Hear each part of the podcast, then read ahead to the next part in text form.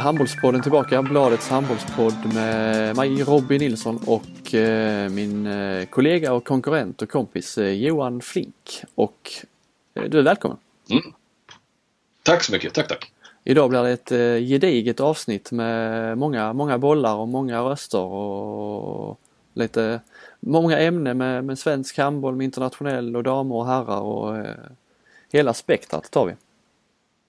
Ja, förhoppningsvis ett, ett eh, välproducerat poddavsnitt där inte bara du och jag sitter och babblar om eh, ett fåtal ämnen utan eh, ja, ämnena kanske inte blir jättemånga men eh, det blir, jag, jag, känner på mig att det kommer att bli rätt långt. Ja, det, det, kan jag redan säga att det kommer att bli. Innan vi går vidare i programmet så eh, ska vi nämna våra två samarbetspartner iPlay Sport och ICA Maxi Kristianstad. Eh, ni vet var de finns vid det här laget.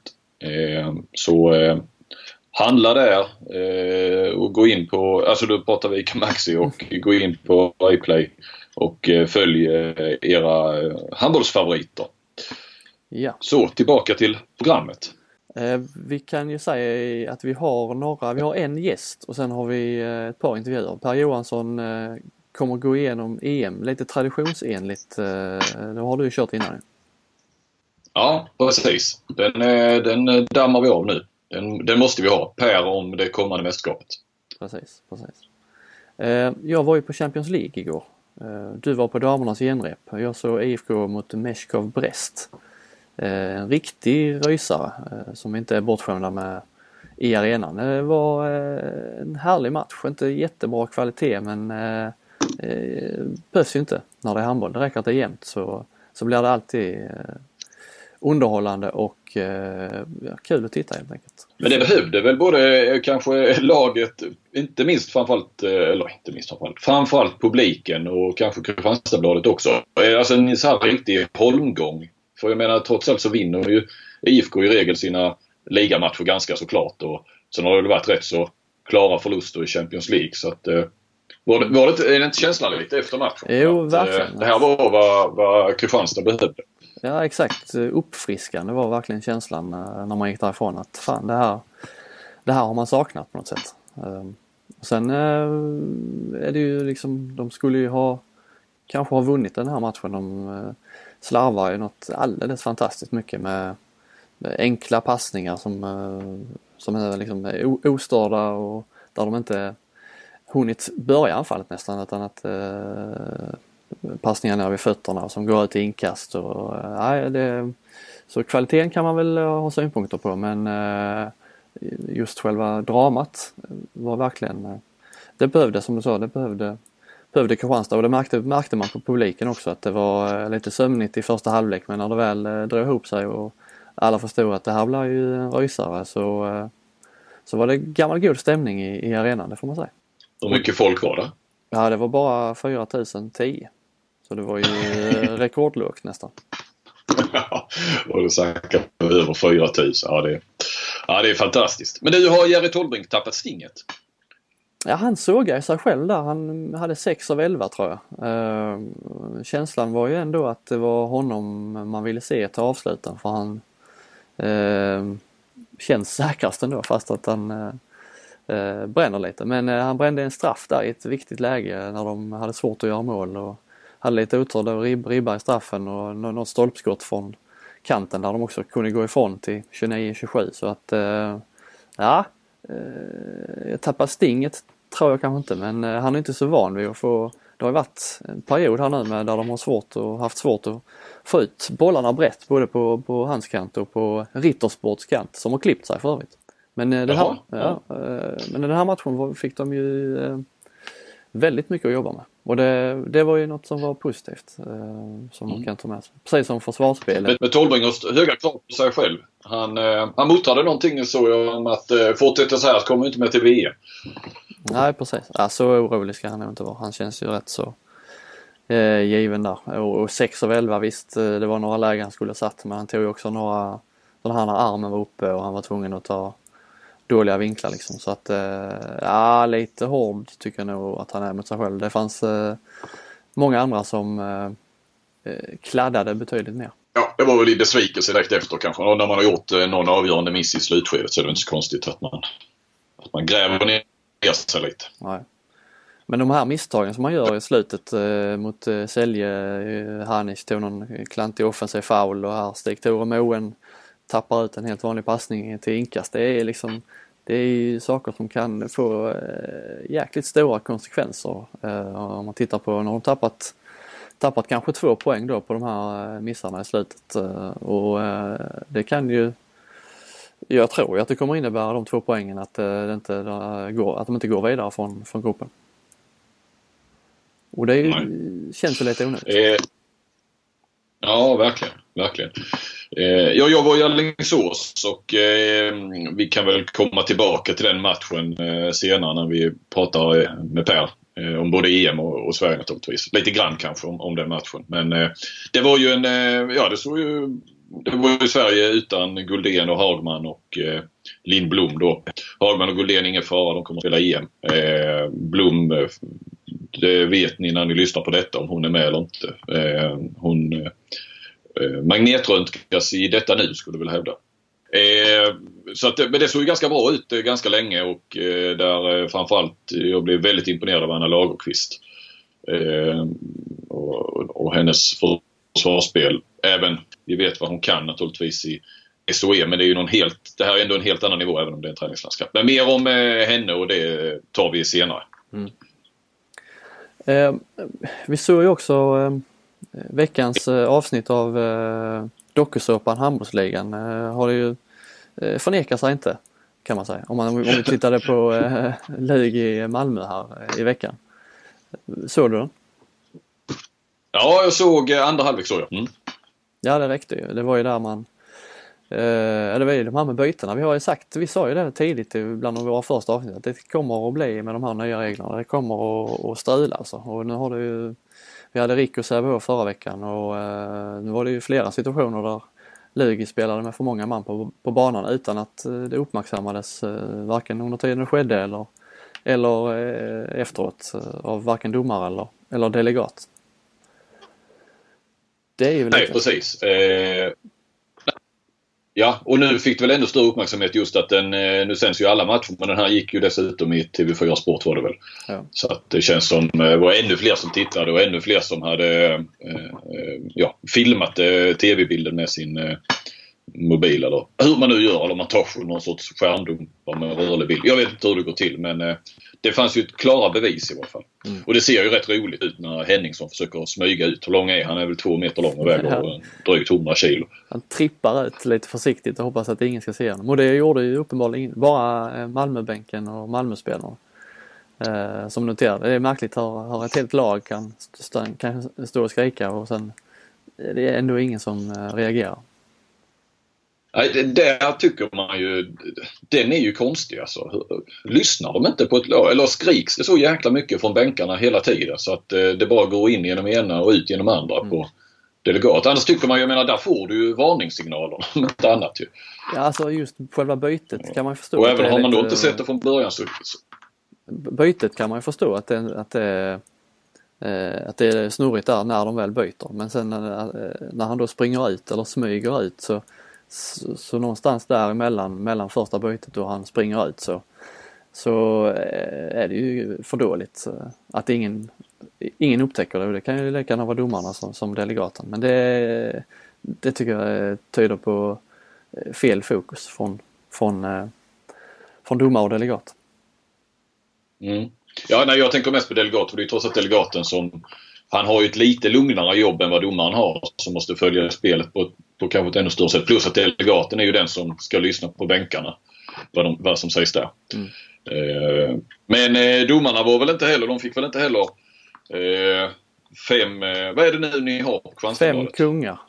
Kungar är det vi har. Ja, och vi har plus. Mm. Ja, nu satte vi ju inga betyg eh, och ni sätter ju väldigt sällan betyg på domarna i, i matcher mellan Luleå och Malmö. Men, eh, de var väl inte... Eh, de lyckades väl inte riktigt heller. Vi hade ju den här redan i paus, eh, Fredrik Petersen som eh, eh ja, sågade domarna för att eh, motståndaren åkte ut eh, när han tog Petersen. Petersen tyckte inte att det var två minuter och skällde väl på domarna direkt där och sa till dem att eh, hörni, ni ska inte visa ut han som var på mig nu. Vem var det förresten? Jag kommer jag inte ihåg. Kan det ha varit eh, Gillenbäck kanske? Nej, jag är inte säker.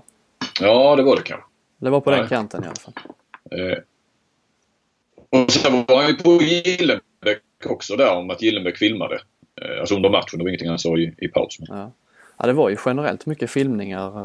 Uh, Gildenbäck var väl den som fick mest skit i, eh, av eh, Carlén där, expert i TV4. eh, för att han för att han filmar, eh, liksom tar sig för ansiktet när de slår i bröstet så det är ju eh, inte sådär kul eller eh, smickrande att se för honom själv heller kan det inte vara när man ser tv-bilderna efteråt. Men det är väl som fotbollsspelare, de, de skäms väl inte om man skaffar sitt lag lite fördelar. Men det ser inte så bra ut. Nej, Ola Lindgren varnar ju för det där i, under OS. Att han såg den tendensen med tanke på bedömningsnivå och så vidare. Att eh, vi ser allt mer filmningar. Så att eh, det har kanske kommit också till, till den svenska ligan. Mm. Eh, på allvar nu. Ja, Eh, ja Malmö de, eh, de eh, valde att inte lämna in protest ju. Det kunde, de hade en timme på sig, eller man har ju alltid en timme på sig där och meddela om man ska lämna in en protest. Eller inte. Men de valde ju att inte göra det. Ulf Fagerström där twittrade lite med honom. Han, han sa att det var en för ojämn match för att det skulle liksom, hade det stått och vägt och det här skulle det fälla något avgörande så hade de nog gjort det men men nu eh, struntar de i det. Eh, och det, ja. Det kanske, det, å andra sidan hade de protesterat så hade de garanterat fått igen. För så tydliga videobevis fanns det ju så att eh, Men det är ju ändå, alltså det var inte det som avgjorde så det hade de ju en poäng i. Ja, det är väl fint så. Vi hyllade ju Alingsås där initialt för att de inte anmälde Lugi va? I Ja. den där registreringsgrejen. Så att det är väl... eh, Så då ska vi väl också eh, lovordar Malmö för att de inte försöker vinna till vilket pris som helst när de kände att de var definitivt ett nummer för litet. Precis, precis. det var ju... Det, alltså det är ju, jag såg ju då andra halvlek. Visst, alltså Lugi imponerar ju verkligen då utan Jeppsson och sådär. Samtidigt Malmö imponerar ju inte.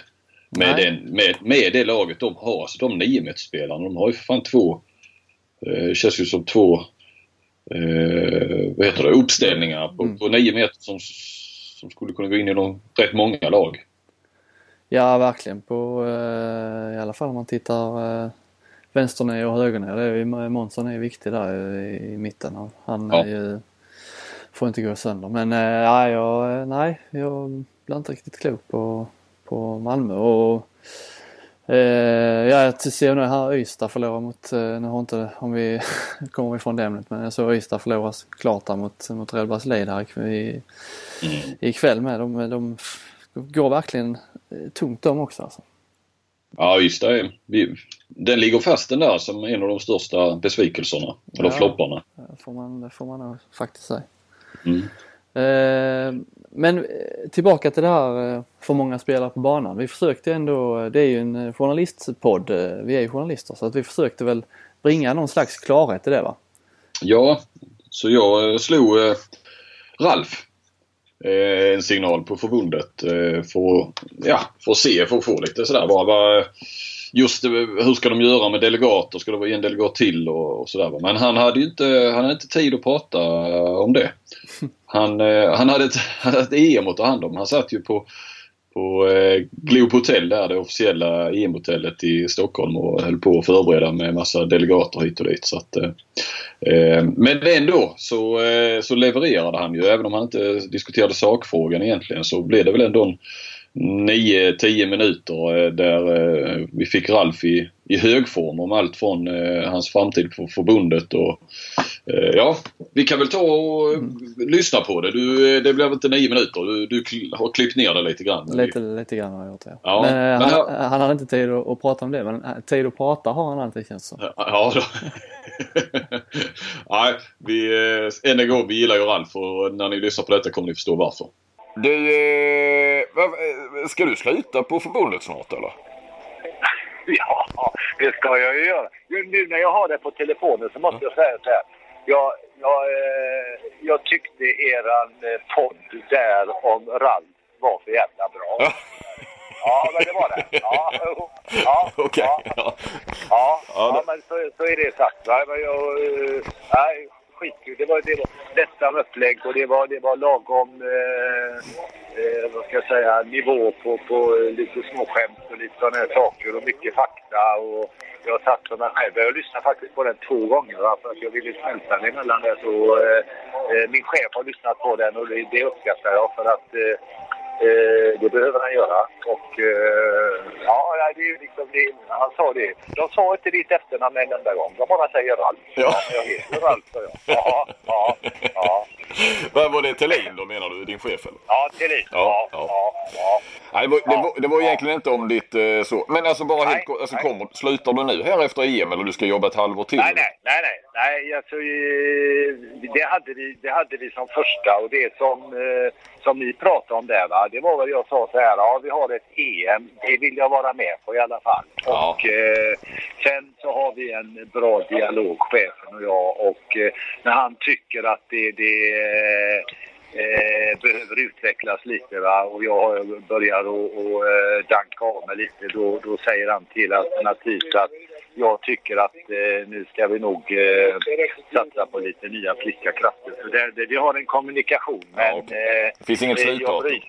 Nej, det gör det inte. Eh, inte så. Jag, jag, eh, för ni väckte ju mig lite där, va? Det, det ska jag väl säga. Och jag kände väl kanske så här att ja, det är fan, jag får nog börja och... För jag vill, jag vill ju liksom inte bara komma och, och säga att nu har jag bestämt här, nu kör jag eh, eh tre månader där och sen hoppar jag. Utan jag vill ju givetvis ha en en bra överlappning och man ska väl kanske titta över organisationen totalt och lite sådär. Och, eh, Ralf Lundberg är väl eh, väldigt speciell va? med, med sitt sätt att jobba och hitta en ersättare som, som har eh, telefon 24 7 och lite sånt. Va? Det, de, de, de finns nog inte så många utav så att det, det krävs väl en del. Men eh, alltså, låt mig säga eh, kanske ja, våren, våren 17 ut. Det är väl kanske lite kort men eh, någon gång under 2017 så kommer jag nog att bestämma i alla fall när jag ska sluta. Ja. Men då ska du ha en, en eh, alltså det handlar lite grann om att hitta en kronprins nu då. Eller kronprinsessa för den saken. Ja, ja, ja, men det gör det ju. Ja. Och, och eh, ihop med det så kanske man också ska titta över hela organisationen. Tävling, domare då va, som, som är navet i hela verksamheten. Så är det ju. Ibland är det lite kaxigt att säga att vi kan ha hur många kommittéer som helst. Men har vi ingen tävlingskommitté så, så har, har inte de andra någonting att göra. Nej. Men eh, vi, vi, vi måste satsa lite på utveckling också. Och, eh, kan, hela, hela vår administration har ju liksom stått stilla eh, sen jag började om vi ser på antal personer och sånt medan allting annat växer. Ja. Delegater och för många spelare inne på eh, planen. Ja. Ja. Ja. Ja. ja. Vad, kan ni, vad kan ni göra åt det? Rico Sä- Rico Sävehof där först då va. Ja. Eh, som inte blev så uppmärksammat faktiskt. Eh, och så denna nu då där, där jag fick någon bild eh, av eh, Christer Broman och eh, satt med alla EOS-pamparna här igår och alla räknar liksom så. Ja. Men du, jag, jag, jag eh, och det beror inte på att jag inte vill prata om det men jag tycker att Henrik Mäkinen ska ha den Ja. signalen av dig. Ja. Ta det med honom för att han, han, eh, han är uppmärksammad och eh, eh, tar detta på största allvar. Jag tror att det kommer att gå ut någon form av, av skrivning till dem också. Va? Men eh, det, det är bäst att Henrik tar det. Det här måste vara första gången som, som du inte tar i en fråga du. Från oss. ja, men det kan jag skyll på EM då. Annars hade jag kanske eh, lagt upp fötterna på bordet där och, och, och pratat. Nej, men han, han, eh, han skrev någonting förut här idag, va? Något, något kort där och jag sa att eh, det, det, nu, nu, nu är det oflyt alltså. Och eh, det här måste ju givetvis tas på eh, största allvar och det gör det. För att, eh, eh, ena stunden så, så eh, hävdar vi då att vi måste ha det och kanske två och vi går ner, vi har det på allsvenskan och eh, hur viktigt det är. Va? Och så kommer det sådana här eh, blunders då. Jag vet inte när det hände och om de hade protesterat som det gått igenom. Det är bara spekulationer. Men att det händer överhuvudtaget, det det det är maximalt. Eh, ja, Ja, det är inte bra. Men, eh, ja, nej, men vi kan, jag, skyll, jag skyller på det. Jag, Ja, ja, men gör jag, det. har, jag, har, E- ja, jag har EM, annars hade jag gärna... Ja, inte EM ta hand om. Ja. Ja, precis. Ja. Jag, just, nu, just nu, jag har lagt, jag har lagt, jag kan säga till dig, jag har lagt minst en timma på att försöka köpa ihop 80 stycken brevkorgar till europeiska eh, mottagningsdisk. Eh, och det, eh, man tror ju att man bara åker in på första bästa ställe och köper det. Va? Men jag kan säga att det, det, var, det var en eh, fantastisk eh, uppgift jag fick där. Nu får vi åka till Clas Ohlson i Täby och Solna och plocka ihop dem. Åt- 80 stycken alltså. 80 stycken. Ja. Aha, är det sådana här som man lägger, eh, som det ligger eh, statistik och sånt i? Ja, precis. Ja. Ja. De, de, de, de kommer ju här idag. Det kommer ju då hela delegationen, delegater, eh, Ja. representanter, domare. Eh, ska ha en stor eh, konferens här nu då fram till... Eh, sen splittar de dem på eh, lördag åker till eh, sina respektive. Ja. Ja. Det måste också, jag måste också bara fråga, väckte det en viss munterhet bland EOF-delegaterna när du visade de här åtta Lugi-spelarna på plan samtidigt eller? vad? Nej, nej, men det, nej, men det var fel folk. Det var, det var de här eh, kontorsnissarna nere, nere i Wien där. Va? Så att, eh, det- Björn, Björn, Björn Eriksson såg den också. Han, eh, han blev ju stört förbannad. Ja. Vem är Björn Eriksson? Han eh, är också delegat och gammal internationell delegat. Ja. Eh, sitter han, han har varit med på allt i svensk handboll. Han är, han är nästan i min klass. Nästan. Ja. Ja. Ja. Nu, just, nu, just nu är han hotellansvarig för hela ön. Han bara svär åt allt och alla. Just nu. Jo, sen ska jag köpa presentpapper. För de ska eh, slå in 50, vi ska slå in 50 stycken eh, eh, hemliga. Alltså, ser ut ungefär som någon lång korv ungefär. Och så ligger det något i där. Jag tror det var glasögon och sånt där. Men presentpapper och så ska det se ut som sådana här stora smällkarameller vet du. Som ska vara till matchens lirare. Jaha. Ja, det har också landat på mitt bord. Och så tog jag upp mitt visitkort här för en stund sedan och så läste jag så här då på det va, att jag är competition manager är jag här på EM. Ja. Ja, Och du får ja, syssla med sånt? Ja. Ja, precis. Så är det. Ja. Ingen uppgift är för liten för dig?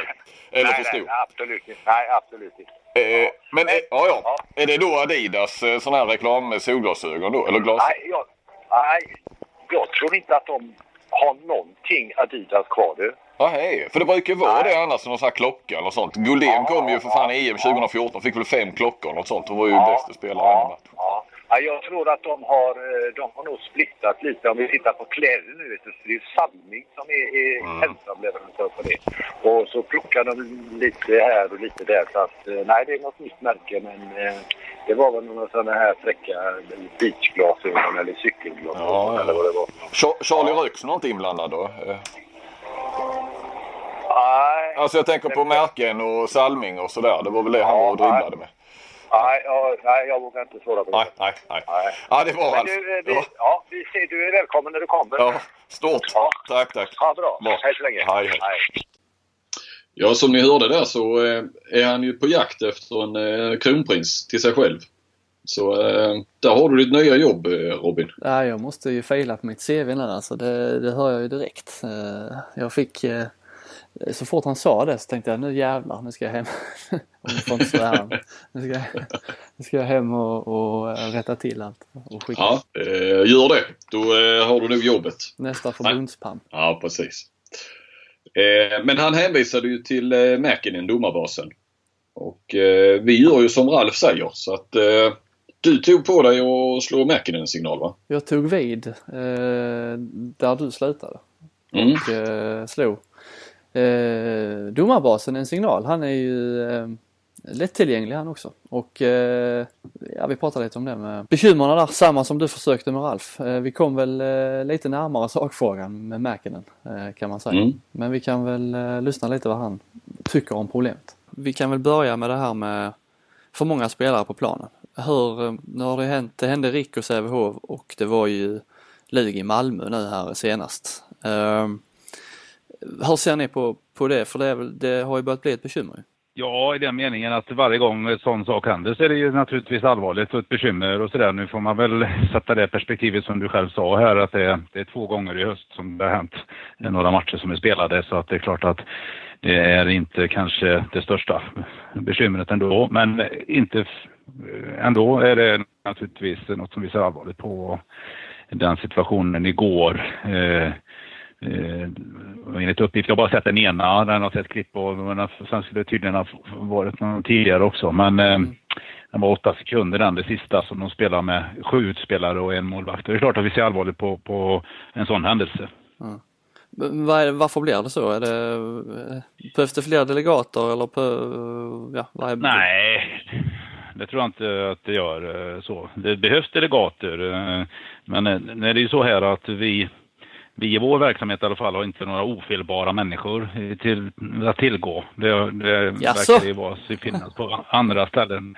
Eh, så att de skulle gärna, det går bra att anmäla sig om man är ofelbar för då passar man jättebra i det här yrket.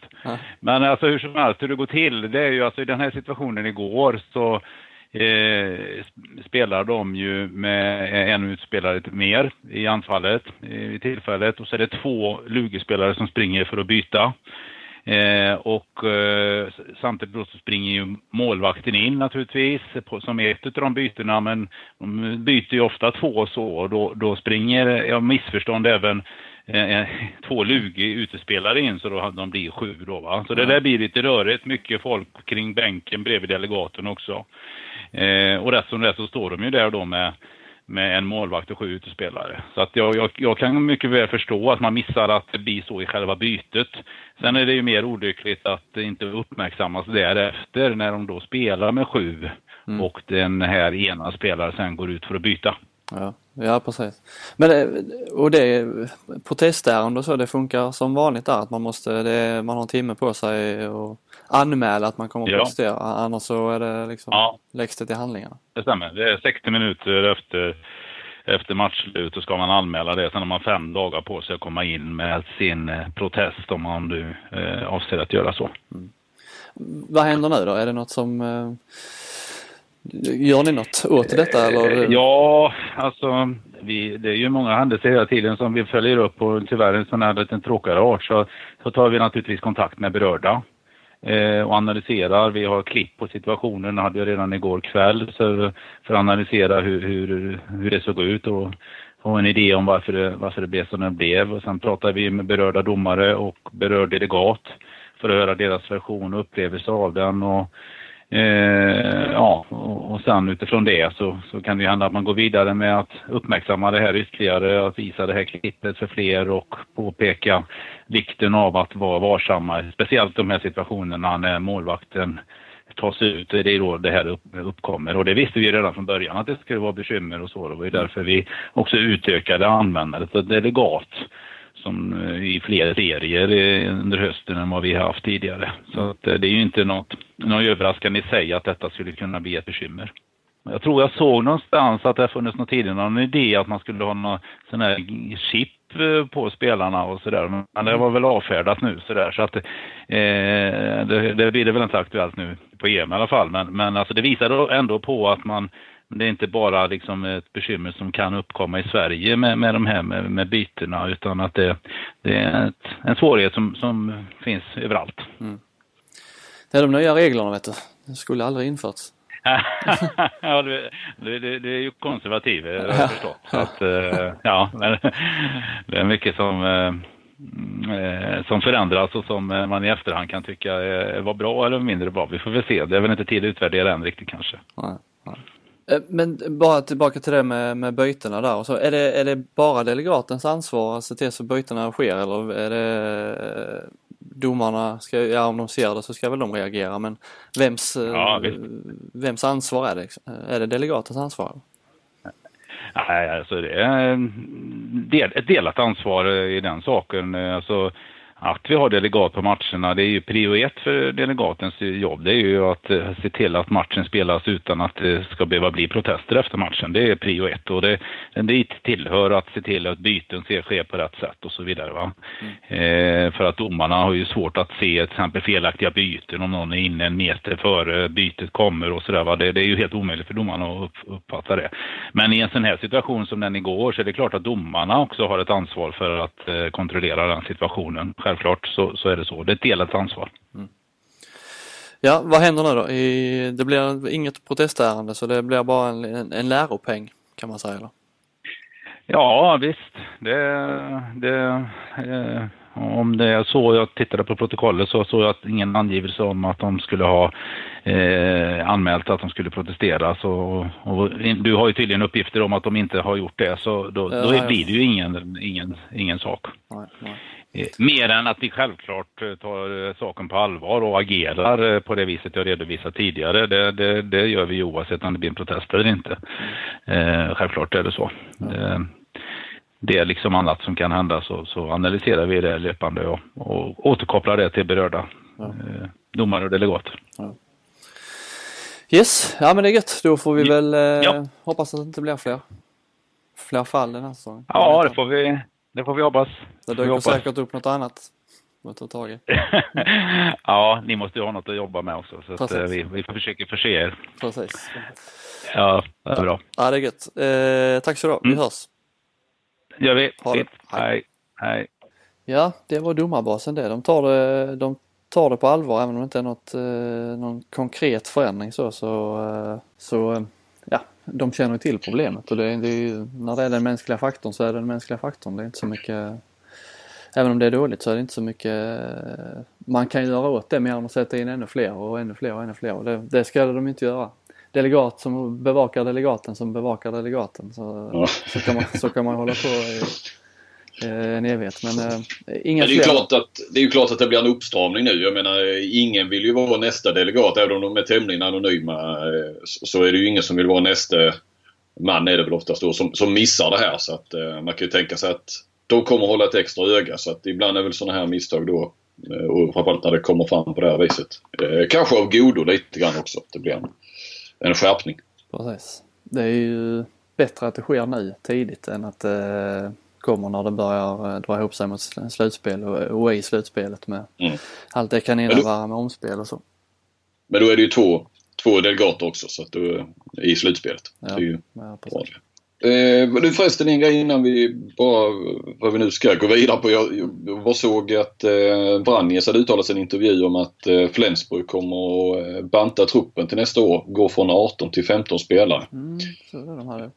Och det är bara, ja, och det är bara hälften av dem kan man väl säga då i dagens trupp som har kontrakt till eh, även eh, över nästa säsong då, 2017-2018. Hälften har inte det och två av de som inte har det är ju Jim Gottfridsson och eh, Johan Jakobsson. Mm. Jag undrar liksom lite grann om Gottfridsson han blir kvar då i Flensburg med tanke på att Lauge väl är nu snart tillbaka efter sin eh, långtidsskada och sen har de ju vad heter han, Mogensen va? Ja, precis. Eh, även om de då liksom kan gå vänster nio, mitt nio och lite sådär va men eh, de, de har ju fler vänsternior också. Så att, eh, det känns ju som att när Lauge är tillbaka så är det ju rätt så fullt. Och ska de då banta truppen och Gottfridsson inte har något kontrakt så eh, även eh, nästa säsong så. Mm. Ja. Mm.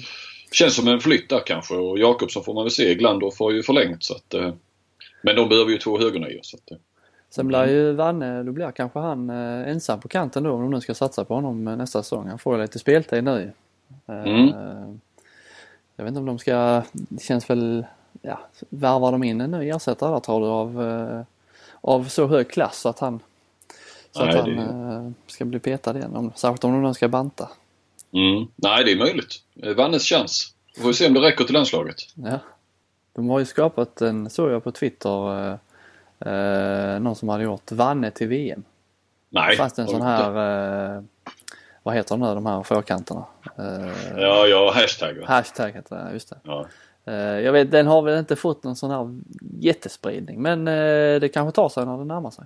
Ja, ja, du får väl sprida den. Och Jerry säger han ligger illa till nu om han eh, håller den här formen. Ja. Så eh, han, får- han får kanske se upp trots allt. Ja, han kanske gick in efter matchen i, igår där och, och eh, drog iväg någon tweet om eh, Vanne till VM. Ja, precis. Tolvring själv. Han var så under, eh, så under isen som han kände sig. Det jag såg att eh, Zagreb eh, besegrade Rhein Neckarlöven i Champions League, eh, IFKs Champions League-grupp här eh, ikväll. Oj, oj.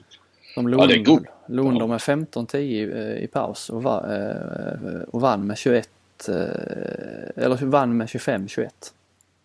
Hemma då alltså. Ja. Ja, de är ju hyfsade hemma men de har inte varit så hyfsade i år. Men ja, det, det var inte så bra för Kristianstad. Ja, det tajtade till gruppen.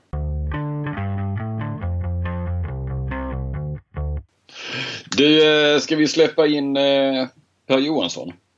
Det kan vi väl göra och eh, gå över till dam-EM. Nu är det dags. Ja. Holland har Bara tränat ner. i Kristianstad ikväll. Jaha du.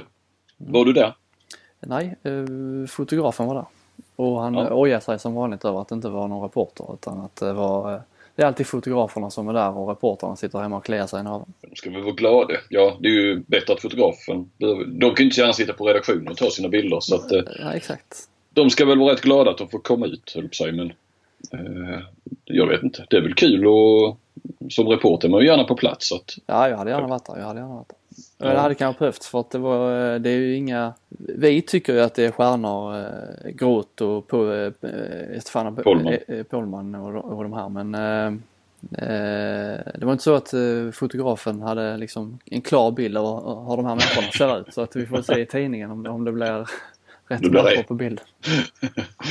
Nej, så, eh, så är det ju. Nej, det är, det är ju, jag förstår, alltså det är ju svårt att dra igång det när det inte är, när det inte är svenskt eh, med va. Det, Precis. men eh, ska du ha tips nu om du ska bevaka några matcherna, framförallt med Holland där, så snacka med hon Pollman. Eh, hon, hon kan säga vad fan som helst. Eh, eh, jätterolig att prata med. Okej. Eh, spontan och, och sådär. Sverige har ju mött Holland ett par mästerskap så tog alltid och snackade med henne. Eh, för hon sa alltid de, de grejerna man ville ha. Ja, ja. Det, det tar vi med oss när, när det börjar. Mm. Eh, men ni har ju Helle Thomsen är ju förbundskapten för dem nu, Holland. Ja, ja men Holland känns som ett eh, pikt, alltså det är ju ett roligt lag och, och Mm. eh, det, de, det kan man ju rekommendera. De spelar ju en eh, härlig handboll också. Per Mm. vet jag, han kommer komma in på Frankrike. Han har ju en fäbless för, för deras sätt att spela. Men jag gillar ju mer eh, Hollands eh, snabba handboll. Ja då. Ah, han gillar ju faktiskt Holland också, det vet jag. Eh, Jag gillar det. Han gillar hur de har byggt upp det och sådär. Men det finns väl inga holländska klubblag att snacka om. Eh, Alltså, ha, handboll i Holland är inte stort. Jag menar här sidan finns det väl knappt. Nej, det har man ju nog aldrig sett eh, någon match med något holländskt klubblag va? Nej. Nej men det är ju rätt så ändå att de har ett så bra landslag i så många år. De, det är inte det att de har stuckit upp en gång bara. Att nu, de känns ju, de är ju topp 6 i världen och har varit så i tre fyra år snart. Men det är ju bara damer med. Herrarna är ju helt... Eh, Ja, ja. är ju, de är inte nära någon världstopp. På samma sätt. Nej. Nej. Ja, ja, där finns ju potential. Precis som det är i Portugal till exempel. Det är ju också något sånt där som man undrar. Där det finns mycket. De har ju boll i sig och eh, så är det ju rätt imponerande klubbnamn där i, som är med. Det är väl i UF-cupen då de spelar. Det är ju Porto och Benfica och så. Mm. Ja. Handboll är ju samma, det är ju samma klubb alltså. Det är, ju, eh, som, som fotbollen. De heter ju det, Fotbollklubb Porto. Ja, det är som Barcelona där. ja, ja, precis. precis. Ja men ska vi, ska vi eh, gå över till Per Johansson då och se vad han eh, har att bjuda oss på? Det brukar alltid vara intressant. vad Per. Han är, han är kul att lyssna på. Ja, han blir över det.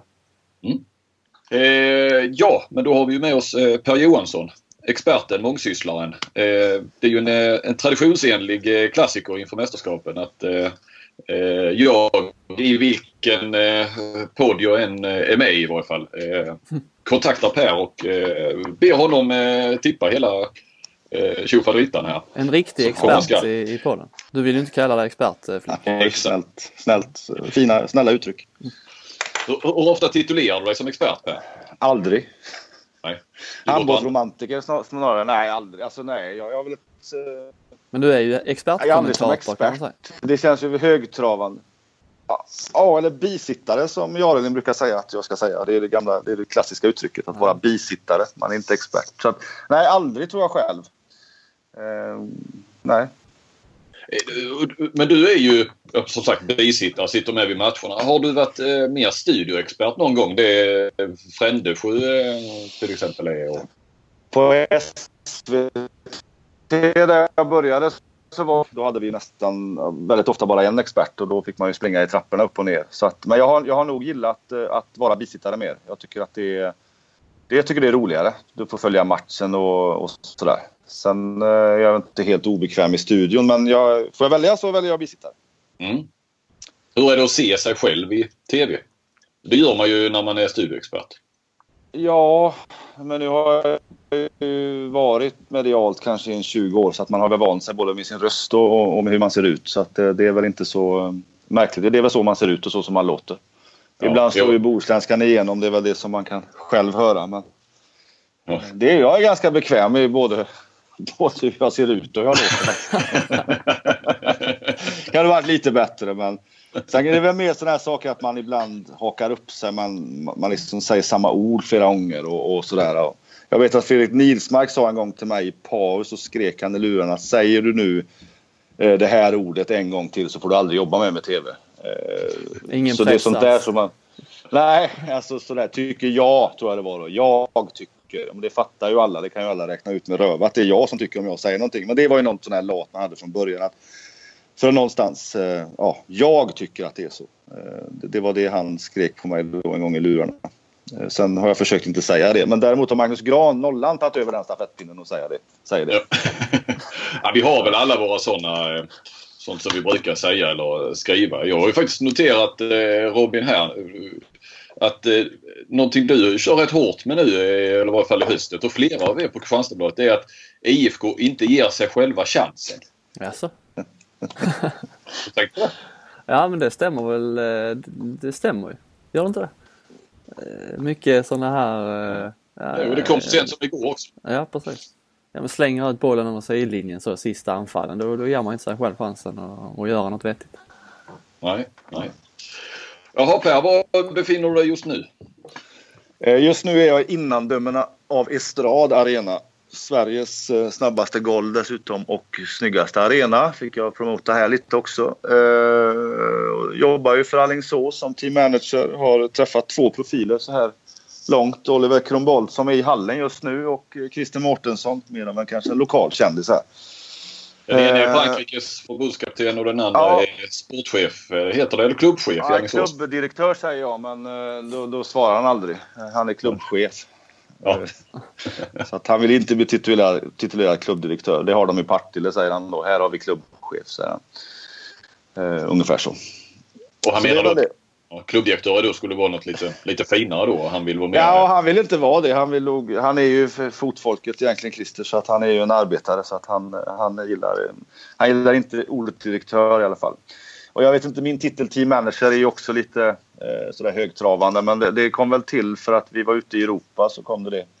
Team manager. Men eh, ja, då behöver man ju inte ändra titeln när man åker med gänget i Europa. Så kan man säga.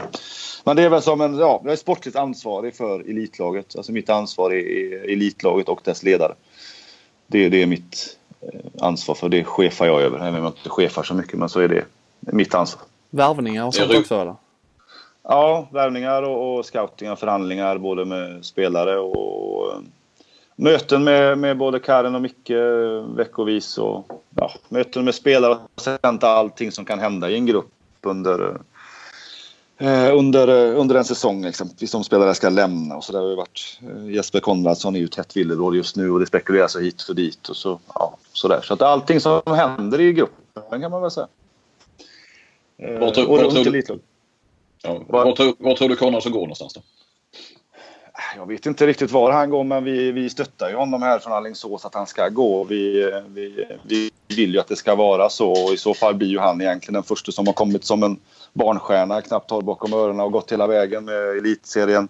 JU-landslag, A-landslag, mästerskap och proffs. Det är klart att det blir ju en... Så vill ju att vi, vi vill ju att det ska vara så. Mm. Eh, det var inget svar på frågan för jag vet inte var han ska gå men, men eh, det är dags för han att gå. Mm. Så enkelt är det. det. Han har alltid en plats här men, men vi stöttar att han ska iväg och vi hoppas på att han kommer till, till rätt klubb och rätt miljö. Du nämnde Europa där i samband med Team Manager-titeln. Europaäventyr tog slut här nu eh, häromdagen. Eh, var du på plats i Danmark eller?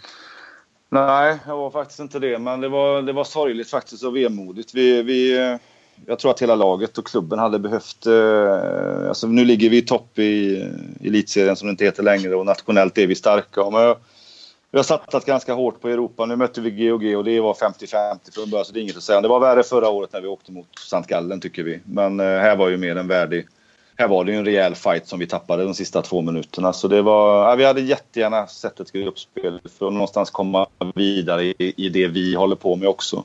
Det är klart att för oss så är det ju att ja, kunna knäppa Kristianstad liksom när det väl gäller. Det är ju liksom den drivkraften vi har. Men vi vill också ett steg till att ja, komma utanför Sveriges gränser med lite fler matcher. Det, det, det hade vi önskat. Och, så det var sorgligt att vi inte löste det. Riktigt... Lite mo och. Ja, riktig, riktig tornado där va? Tornadohandboll om man förstår det rätt. Man kunde inte se matchen. Men, uh... Vi höll ju ner dem i första halvlek 13-10 och, och, och sådär och, och gjorde alla saker rätt. Och sen så blev det ju någon vanvettig tempo i andra halvlek och då fick ju de full utdelning egentligen. Det blev 22 Ryan Reynolds här från Mint Mobile. Med priset på nästan allt som går upp under inflationen, trodde vi att vi skulle bring våra priser down. So to help us, we brought in a reverse auctioneer, which is apparently a thing.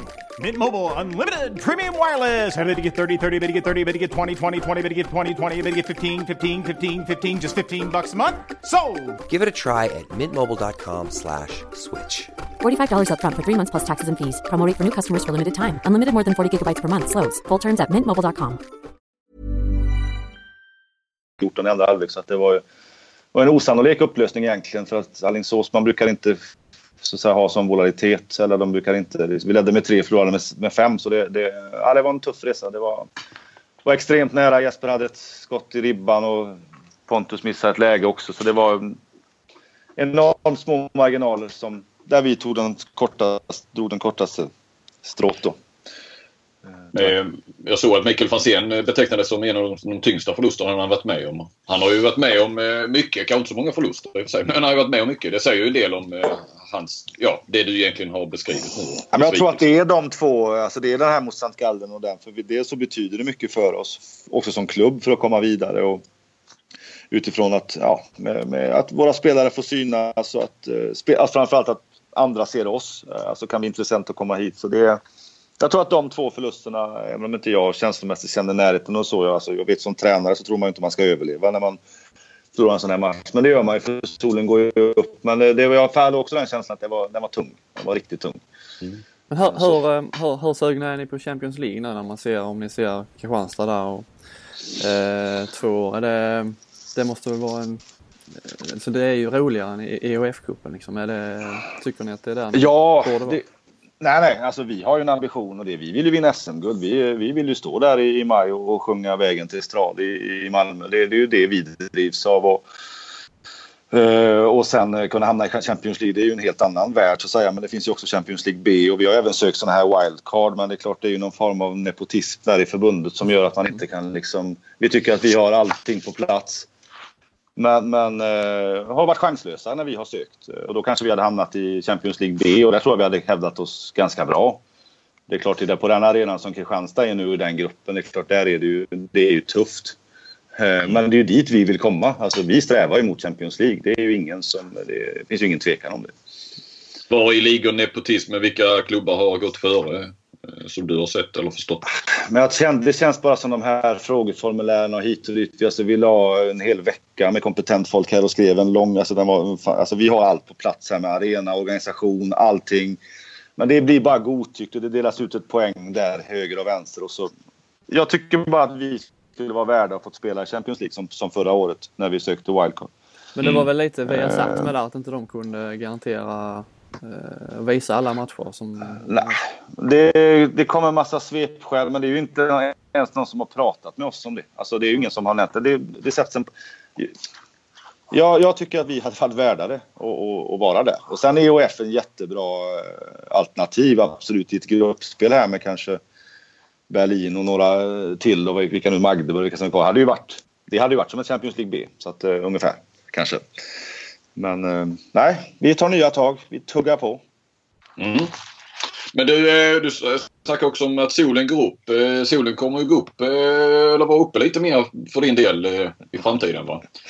Du, hur många, många boenden har du nu?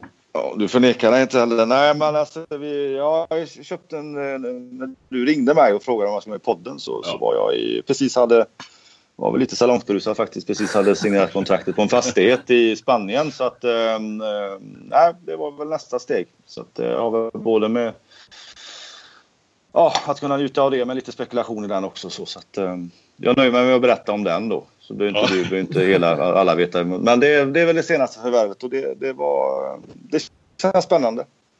Ja. ja. Så, så, jag är klar nu. Om det är någon spansk klubb som vill så har jag redan boende. Så det känns ju bra. eh, ska vi gå över till eh, det vi skulle prata om? Ja. Eh, hemma, hemma igen. Eh, du var eh, assisterande förbundskapten Per, va? när det var hemma-EM senast på damsidan. Ja. ja, det var 2006. Eh, mm. Visst gav väl det ett eh, uppsving för Brynäs där tog ju ni ändå ett, ett, steg mot det som sen kanske kom 2010 och, och kändes som damhandbollen fick ett lyft också i, i hela... Ja, ni gick ju till OS sen. Eh, mm. Jag tror att det startade det, det, dels för vi fick ganska bra resurser från 2005 och framåt och man hade gjort väldigt dåliga resultat under några år. Och sjätteplatsen i, i hemma-EM för tio år sedan var ju en, det var en framgång. Eh, man hade inte varit så bra placerade på ganska många år. Så att eh, det var ju egentligen startskottet till det som sen blev ja, OS i Peking och sen inte ett missat mästerskap efter OS i Peking. Och med silvret 2010 och så har det ju rullat på så att det, men om man jämför det är ju tio år sedan nu det för, alltså, förväntningarna är ju något högre på det svenska damlandslaget idag än vad det var för tio år sedan. Då fanns det egentligen inga förväntningar sådär direkt. Nej. Och det fanns inte det intresset. Jag menar, nu läser jag att det är slutsålt till höger och vänster och det var ju inte mer än det var väldigt lite folk på Johanneshov och det var, ja, det var ganska öde så att säga. Mm. Eh, det blev inte den EM-festen som jag tror att de här tjejerna kommer att få den här gången. För nu, nu, liksom, eh, nu är det ju hetare med damhandboll och vi har ju ett lag som definitivt ska, ska prata om medaljerna. Så det, det känns ju jäkligt spännande. Men det är, ja, tio år har gått, tiden går snabbt. Vi, vi gör väl som vanligt. Eh, vi kör grupp för grupp. pratar någonting om varje lag. vissa mer och andra mindre. Och sen så får du tippa hela vägen fram och så har vi en, en guldmedaljör till slut. Och, eh, ja, du brukar hävda att du brukar tippa rätt säger du. Mer eller mindre. Jag brukar säga det på förhand i alla fall att jag brukar tippa rätt. Ja. Sen, inte, sen det brukar det alltid vara någon som synar en sen. Det är inte så många som synar en sen. Men eh, Nej, jag, ska, jag, har gjort ett, jag har gjort ett försök i alla fall. Du får ja. kopiera och skicka trädet till oss sen så håller vi koll ja. efterhand. Ja, det ska jag göra. Ja. Då, eh, vi börjar ju med det kanske då intressantaste. Eh, för det är grupp A och det är ju Sveriges grupp eh, ja. direkt. Så vi börjar med Sverige. Ja, men det är det som avgörs. Eller ska jag dra lag för lag? Eller ja, vi kan säga vilka som är i gruppen kan vi bara säga först. Det kan ja, jag säga. Ja, det kan du göra. Ja. Eh, även om du var nära att säga det där. Sverige, det är ju S-gruppen det här fast det är grupp A. Sverige, Serbien, Spanien, Slovenien. Ja. Eh, ja, du... Eh, du vill, du bara ja, men det, det avgörs ju direkt tror jag om gruppsegern. Om vi pratar om det. Sverige möter ju Spanien i, i, i första matchen och det är ju nästan en 50-50 match. Även om Sverige har hemmaplan tycker jag Spanien kan slå vem som helst var som helst. Så jag tror, tror att det är de som gör upp om, om första platsen då. Men jag drar Sverige där som etta. Eh, Spanien som tvåa och sen utmanas man ju av Serbien där man, det, är, det är nyckfullt att veta att Serbien är de med de här diamanterna och juvelerna de har de här, eh, vad heter de, Lekic och, ja. och Damjanovic och hur ser det ut och så man vet det har varit väldigt mycket strul runt det men de, de är ju en, en, klar utmanare om de får sitt mm. på plats fast det vet man aldrig. Ja, men jag tror inte att de är med de här storstjärnorna om jag har förstått det rätt. Nej, eh, och då får de det tuffare. Då, då tror jag att det är Sverige och, och, Spanien som eh, är bäst i den här gruppen. Eh, Slovenien är, är, är, klart sämre, även om de har en del individualister och som spelar ute i Europa och sådär. Så, så kommer de med som bästa trea och så. Men de har inte varit... De var väl med 2010 var de med faktiskt, tog inte någon poäng. Men de har de bara Lasovic och Anna Gross i Mets. Det är några skapliga spelare men ska inte räcka till här. Så att så det är då... Serbien trea då alltså? Ja, gör det då. Det kan ju kanske bli att Slovenien kan ju säkert slå Serbien i en match om inte de är med. Men jag tippar Serbien som trea, Slovenien fyra. Mm. Men, Var det... Sverige där, eh, vad tycker du om Linnea Torstensson? Att inte hon är med? Alltså jag, nu står jag utanför och eh, jag håller på Linnea. Jag tycker Linnea har betytt otroligt mycket för det här landslaget och, och som en trygghet för mig och för alla och så vidare. Sen, sen har jag full respekt för att Henrik Signell har ju, ligger ju också och det är ju inte random-uttagningar han gör utan han, eh, jag har ju full respekt för den processen. Jag skulle ju sett Lina Torstensson med, men det gör ju inte han. Och det har jag respekt för, för att jag vet hur det kan vara. Jag vet hur det var 2011 när, när jag då valde bort Nathalie Hagman. Det var ju ett extremt tufft beslut som jag ändå gjorde. För det är ändå förbundskaptenen som ska leva med sina beslut. Det är ingen annan. Alltså, du tar inte ut en trupp för att allmänheten ska leva med den, utan du ska göra det själv. Eh, så svar på frågan så tycker jag det är synd. Jag tycker att det är en eh, spelare som borde vara med eh, med tanke på sin erfarenhet och ja, också kanske att hon det skulle kunna bli en, en, en fin avslutning för henne. Men, men ändå full respekt att det är klart att han hade han trott att det skulle blivit bättre med Linnea, för han vill ju vinna, alla vill ju vinna. Mm. Men jag vet hur det är att ta sådana beslut. Så att, eh, jag har suttit på den sidan också. Nu kan jag ju tycka en massa saker i en podd för att ni frågar mig. Då säger jag ja, jag tycker hon ska vara med. Men jag behöver ju inte ta ansvar för det sen. Du, du valde ju bort då Hagman med den berömda motiveringen jag vill ha en arbetshäst och inte en cirkushäst. Nej, ja, den är ju inte så snäll. Den var inte så... Ja, därför den, den hänger ju kvar. Får jag läsa den i Expressen. Där, det är en one-liner. Men ja, det var ju kanske sant. Eh, och det var ju... Kanske inte man skulle uttryckt. Men så var det ju just i det läget.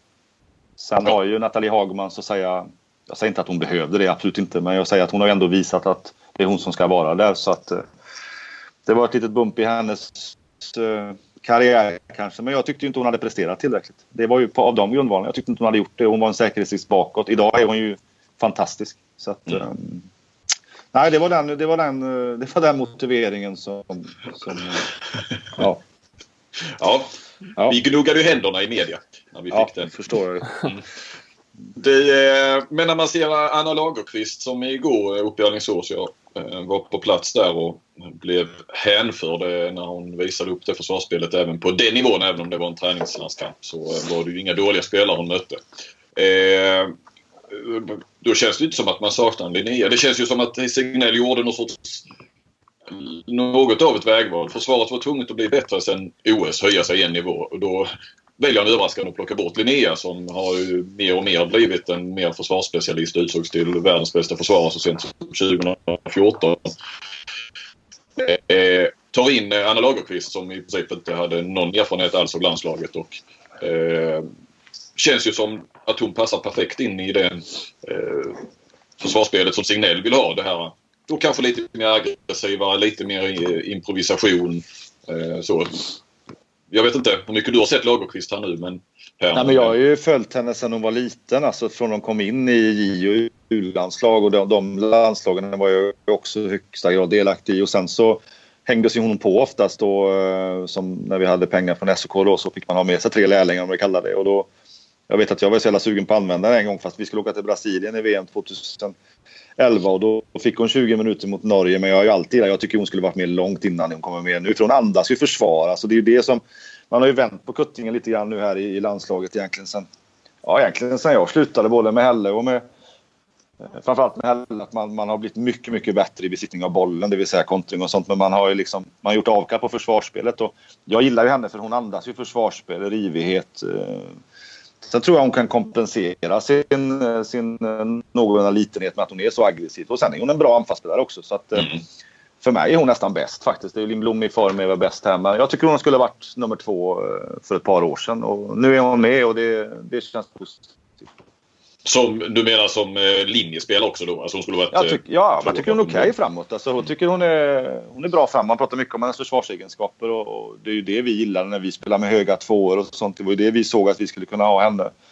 Jag tror att hade jag varit med något år till så hade hon varit den högertvåan sen året efter och så vidare. Men, men sen har hon väl fått stå tillbaka lite till, till andra spelare och sen har jag tycker inte man har prioriterat försvarsspelet på det sätt som vi gjorde. Eh, men det gjorde ju också att vi var sämre framåt. Eh, mm. Och det är svårt att få ihop alla delar, det är det ju. Men, men bakåt, det, det är på försvar man tar medaljer. Det är väl kanske bronset som Sverige tog för några år sedan är väl motsatsen till det då. Men, men mm. Eh, jag gillar ju att hon jag gillar ju att man satsar på en sån tjej. Det är ju lätt att välja bort henne. Ja, du gav ju henne då de där 20 minuterna i en, Mm. i en träningslandskamp 2011. Det var ju alltså den enda landskampen hon hade fram till eh, truppen samlades i onsdags. Förra Ja. onsdags ska jag säga. Ja. Eh, och du skrev ju eller twittrade där till mig eller så att hon, hon var lika bra då egentligen som hon var nu i helgen mot Tyskland. Ja, alltså det var hon. Hon har ju alltid varit... Hon ser ju ut som en skolflicka men hon är ju så jäkla tuff och, och, och, och har ju alltid varit helt kompromisslös och det har jag ju gillat där med att hon, hon räds ju inte någon. Hon, eh, och så var det ju när hon spelade U-landslag också och så är det i Lugi och så vidare. Hon tar sin uppgift. Hon har jävligt svår att komma förbi och, och jag gillar ju hennes typ av försvarsspel. Det är ju lite franskt och lite sådär alltså kompromisslöst. Eh, så jag har alltid varit jätteförtjust i henne. Hon spelar ju också en jättestor roll i de här landslagen hon spelade med innan. Då. Så att, eh, det är en härlig spelare. En härlig typ. Mm. Lite till om Sverige Per. Vad, måste, vad måste sitta? Eh, vilka spelare måste vara på topp? Eller, ja. Mm. Jag tror att man måste få, man måste få ordning på man, man måste bli bättre bakåt. Eh, utan att det ska ta udden ur de andra grejerna. Men, men man måste lägga en större... Alltså det var för bräckligt bakåt de senaste mästerskapen, både i OS och det mästerskapet innan. Och man, jag tror att där handlar det mycket om att man släpper in åtta mål på sex minuter. Alltså man får bort alla de perioderna för det blir sån uppförsbacke. Den, den, är, den är superviktig. Och sen har vi, alltså med Filippa och, och Bunsen så har vi, det, det är ett bra målvaktspar och det är också ett målvaktspar som kan kasta. Eh, och det är få lag som har två målvakter som kan kasta. Den delen är, tror jag är avgörande för ska, hur det ska gå. Sen är det Bella Guldén, alltså bära det så som hon bar bukade, så som har burit landslaget i perioder. Det är hon. Eh, Måste. Eh, det, Strömberg blir bättre och bättre, men det är ändå hon. Mm. Eh, en sån som Jenny All måste visa de takterna som hon gjorde mot Frankrike. Vi måste ha ett skyttehot där. Va? Jamina blir som hon blir med lite in emellan där och kunna göra sina grejer. Men att något stabilt skyttehot där. Och sen gillar jag Odéns första halvlek här är ju, eller långt in i matchen eh, mot Frankrike igår. Det- Då har du en bra högernia där. Sen, sen tror jag inte vi ska förlita oss på att, vad heter hon nu, uh, Fernis va? Mm. och Blomstrand. De är ju med lite som två. Det är ju goa spelare. Men, men Odén blir, tror jag blir jätteviktig i detta också framåt. Och så Hagman på högersex. Och... Ja, Hagman såklart. Så, såklart. Och kan användas kanske i någon form av hybridroll där och komma runt och sådär. Så att, eh, det är väl de som... Eh, och sen Sabina får också steppa upp tycker jag. Men Sabina är också en tjej som jag har eh, haft oerhört stor nytta av historiskt. Men som kanske ja, måste också bli bättre än vad hon var i OS exempelvis. Hon måste, måste steppa upp liksom. Och, och det är också viktigt. Eh, Eh, Jag tycker hon ser lite vilsen ut i den typen av försvar som hon jobbar med nu. Men det är ju en otroligt bra försvarsspelare om man kan få henne liksom in i ett system som hon mår bra i. Så att, men hon behöver bli bättre. Och det är de som varit med länge egentligen då. Eh, Mm. Jamina också har väl lämnat jokerrollen nu givetvis. Men liksom behöver också liksom pang, alltså några procent till. Och det är de som har varit med som ska ju bära det på något sätt. Och sen ska ju de här ungtupparna här som ser jävligt spännande ut. Blomstrand och Fernis och Lagerqvist och Mellegård. Louis och Mellegård och de här. De ska ju liksom bli någon hävstång i det här. Eh, Men är det De har ett inte, spännande lag, Sverige. Mm. är det inte lite, det det brukar ju aldrig vara bra signaler när nyckelspelare inte är med liksom i uppladdningen och med, med Bella Guldén där med hennes, eh, är, är hon 100% fit for fight? Eh, Kan, kan man lita på det liksom? Jag har faktiskt, det vet jag faktiskt inte, men jag tror inte att man, man eh, möter man Frankrike som det är ju nästan bara ont genom att titta på dem så, så kanske man väljer bort en sån match. Eh, Ja, jag, har ingen, jag vet inte. Jag vet inte vad det är vare sig med henne eller Hagman. Jag är inte uppdaterad. Ja, men Bella ska inte vara någon fara. Hon sa ju igår att eh, hon hade spelat om det hade varit EM som igår och eh, jag tror till och med och hört lite grann att, att en del tycker att det kanske är bra att hon får de här dagarna egentligen för att hon eh, de kommer ju jäkligt slitna. Eh, såklart de här som spelar Champions League plus då hela den här OS-sommaren och så vidare. Det gör ju alla lag, eller alla stjärnorna kommer ju slitna. Men, Så är det. Eh, jag vet inte, jag har ju varit lite frågande till upplägget också med, med det här flängandet. Långa bussresor och de fick någon extra där på grund av flygstrejk. Det kunde de inte veta. Men det, det, ju, det har ju inte varit... Har varit alla de här, vad det nu ändå blir, 7, 13, 14 dagarna har de tre dagar där de inte spelar match eller reser. Eh, Som jag tycker. Jag gick tillbaka först igår kväll sent eller i natt och tittade. Bella var ju kritisk för jag läste lite om genrepet i fjol då inför eh, eh, VM i Danmark. Och då var ju Guldén kritisk till att de eh, spelade för mycket träningsmatcher. Och jämförde med året dessförinnan inför det här EMet som blev en succé. Då hade de bara två träningsmatcher och lite mer stilla och sådär. Ja, så att jag tror att hon nog har njutit lite av att ta det lite lugnt. Snarare. Ja. Så att, jag tror inte vi ska vara så oroliga. Nej, då är vi inte ja. det. Jaha. Ska vi till... Ja, men det var det. Eller vill du säga något mer om Sverige, Per? Nej, vi sa ju ganska mycket, men jag tycker att man rättmätigt så att säga... Är ni kvar nu? Ja. ja. ja. Jag tror att man rättmätigt kan säga att man, man, Jag vet inte vad man siktar på så, men man, med en träff här hemma och med, med stöd och så, så, så tycker jag mig rimligen att man ska kunna sikta på en semifinal och det känns ju, det känns ju spännande. Det, det känns det. ju som premiären mot Spanien är sån där, den kommer ju nog förmodligen hänga med hela vägen. Kan, kan vara helt avgörande för att gå ja, till en semifinal. Det kan den.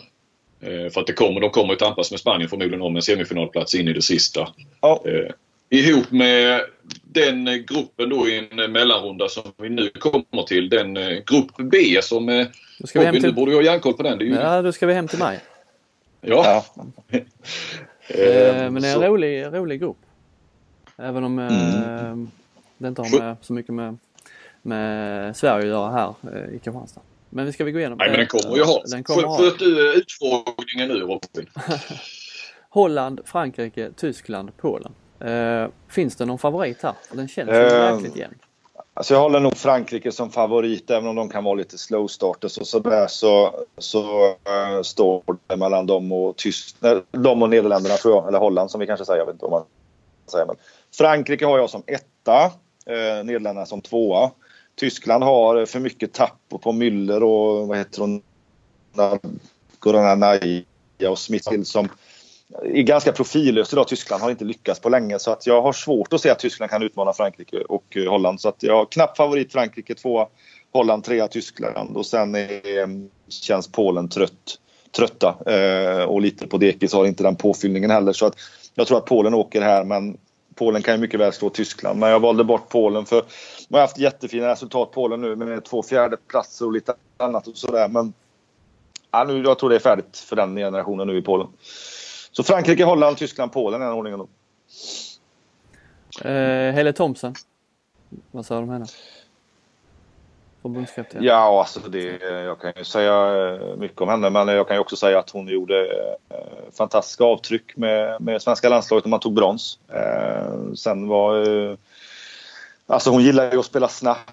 Hon gillar ju det här med fart och så. Det är klart Nederländerna är ju ett, kanske det, det vackraste laget att titta på eh, vad gäller handboll. Eh, alltså spelar ju i någon form av Europas Korea på något sätt. Så det är ju, det är nog ett fantastiskt lag att träna och jag tror att hennes spelidé så som jag har uppfattat den eh, och hennes filosofi kan passa bra med, med, med Holland. Så att eh, jag tror att de kan jag tror att de kan må bra ihop. Det tror jag. Men borde inte de lära sig spela bättre försvarsspel då Holland? Eller så borde de inte ha en förbundskapten som går åt andra hållet Ja, du skulle tagit över dem istället. Ja, fast de, man kan faktiskt säga så att de har gjort det. Eh, de har ju varit lika bra i de senaste tio åren men man har fått fram en målvakt som jag nu tappade namnet på när jag skulle säga det. Eh, och man har blivit bättre bakåt. Man har några försvarsspelare är utpräglade. Så att det har man blivit och det är därför man har haft sådana framgångar som man har haft också de senaste åren. Att, eh, att man har tagit sig till final bland annat i det var ju VM sist då. Alltså att det, det, nej, det har de gjort. De har, det, det steget har de tagit. Det är därför de är där de är, där de är idag. Ja. Eh, så är det. Det har ju varit lite grann jämfört med, med på, på här sidan med Island som har ja, kommit långt men ändå inte hela vägen för att de har saknat vissa detaljer. Så ja, han med, med, med den här vad heter det, frisyren lyckades någon gång och då tog man en medalj. Alltså det, eh, de är sårbara där för de har, inte haft, de, har inte haft, de har haft dåliga målvakter. Men nu har ju hon varit en av de bästa målvakterna två mästerskap i rad och då, då funkar det bra för dem. Tess Wester va? Tess Wester ja. ja tack. Mm. Du sa att det gjorde ont bara man tittade på, på Frankrike. Är det, är det en liknande, liknande spelstil där som, som herrarna har med extremt mycket fysik eller? Ja, det, det, är inte riktigt lika mycket som det var. Det är lite mer eh, ska man säga, finlämmade tjejer idag i Frankrike. Men, men eh, det, det, är ändå en historik kring att bestämmer man sig för att hålla det nere på 17. Alltså det är det mest destruktiva laget i, i världen. Eh, och då, då ser man ju då när de spelar tycker man att det är en hemsk handboll. Jag kan ju älska den handbollen, att man kan vinna med 18-17 eller 17-16. Och det är ju Frankrike kanske det enda laget i världen som kan göra idag.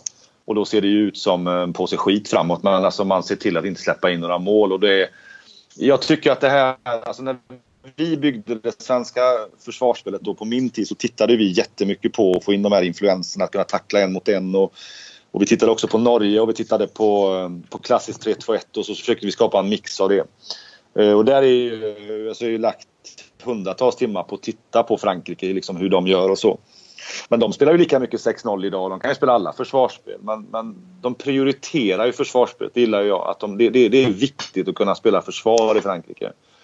Eh, och det är, det är typiskt som en match igår. Jag har ju någonstans har jag upplevt det massa gånger. Sverige, det är lugna gatan. Det är 13, 9, 19, 14. Alla är jätteglada. Och så är det bara det färdigt sen.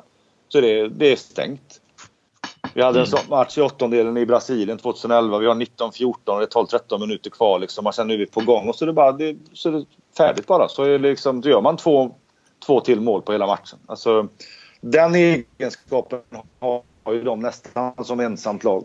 Montenegro har haft den också, har han inte längre. Men att fullständigt kunna stänga igen bara.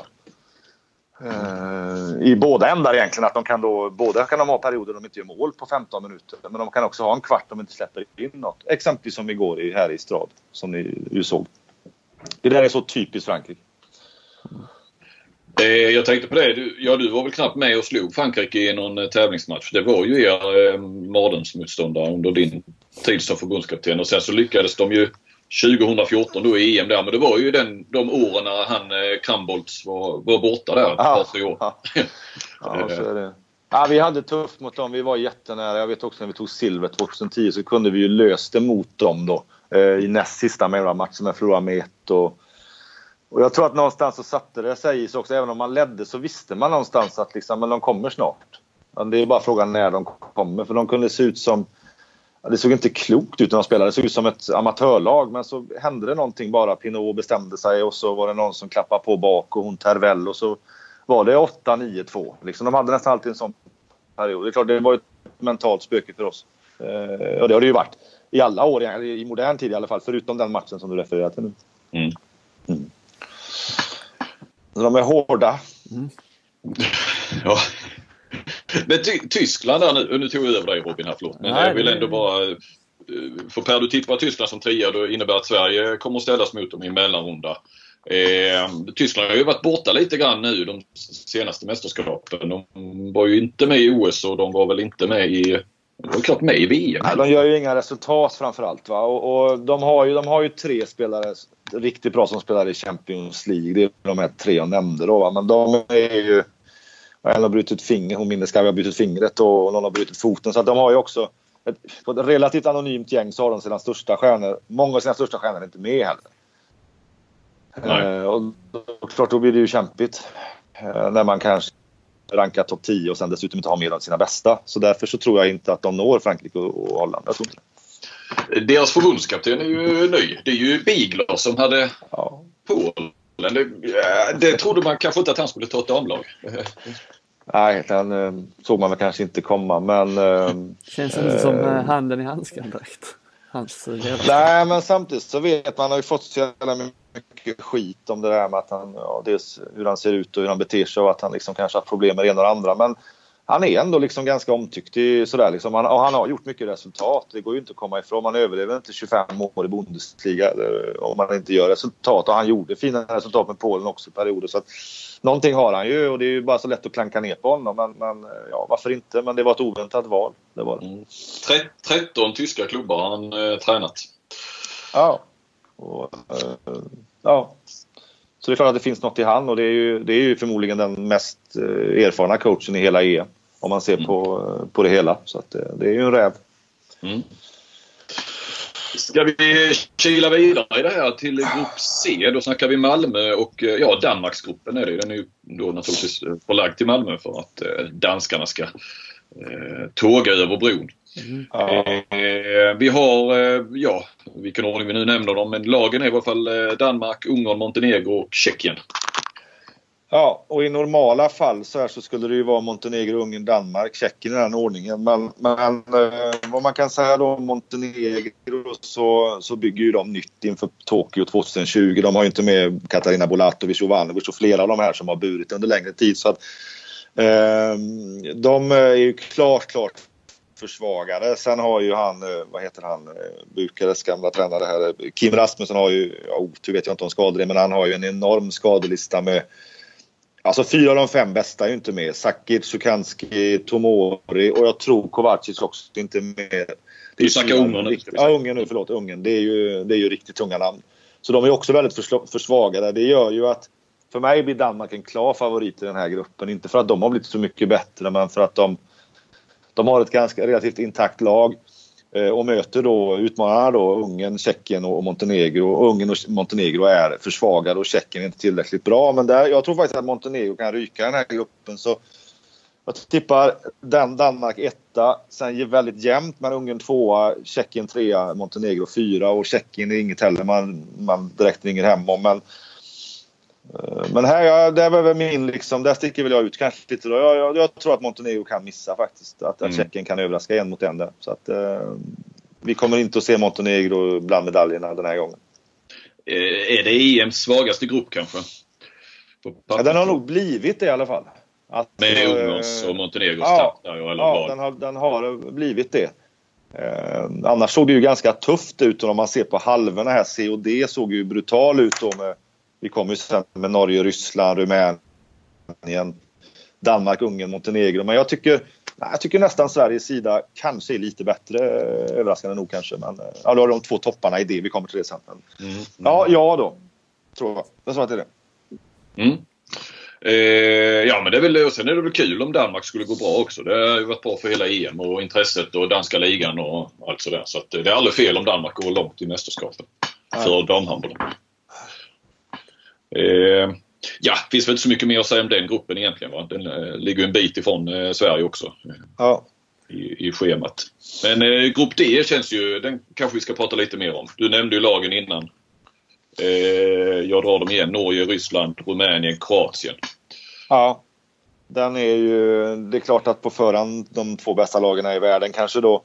Sen om vi pratar lite om lagen, alltså Ryssland har ju är ju likt kanske som Korea lite grann att man jobbar med OS-cyklarna ganska hårt. Sen brukar ju det första EMet efter ett OS vara ett mästerskap där inte ryssarna, ryskorna eh, kanske är så bra och satsar så mycket på. Men jag tror inte det spelar så stor roll för de har, de har så en, en så fantastiskt mycket uppsjö av spelare så att vad han än väljer på något sätt så, så kommer de att få ett slagkraftigt Och de har ju lite grann gjort sin generationsväxling. De har, många av de här tjejerna vi såg och skärmade oss i OS, det är ju unga tjejer.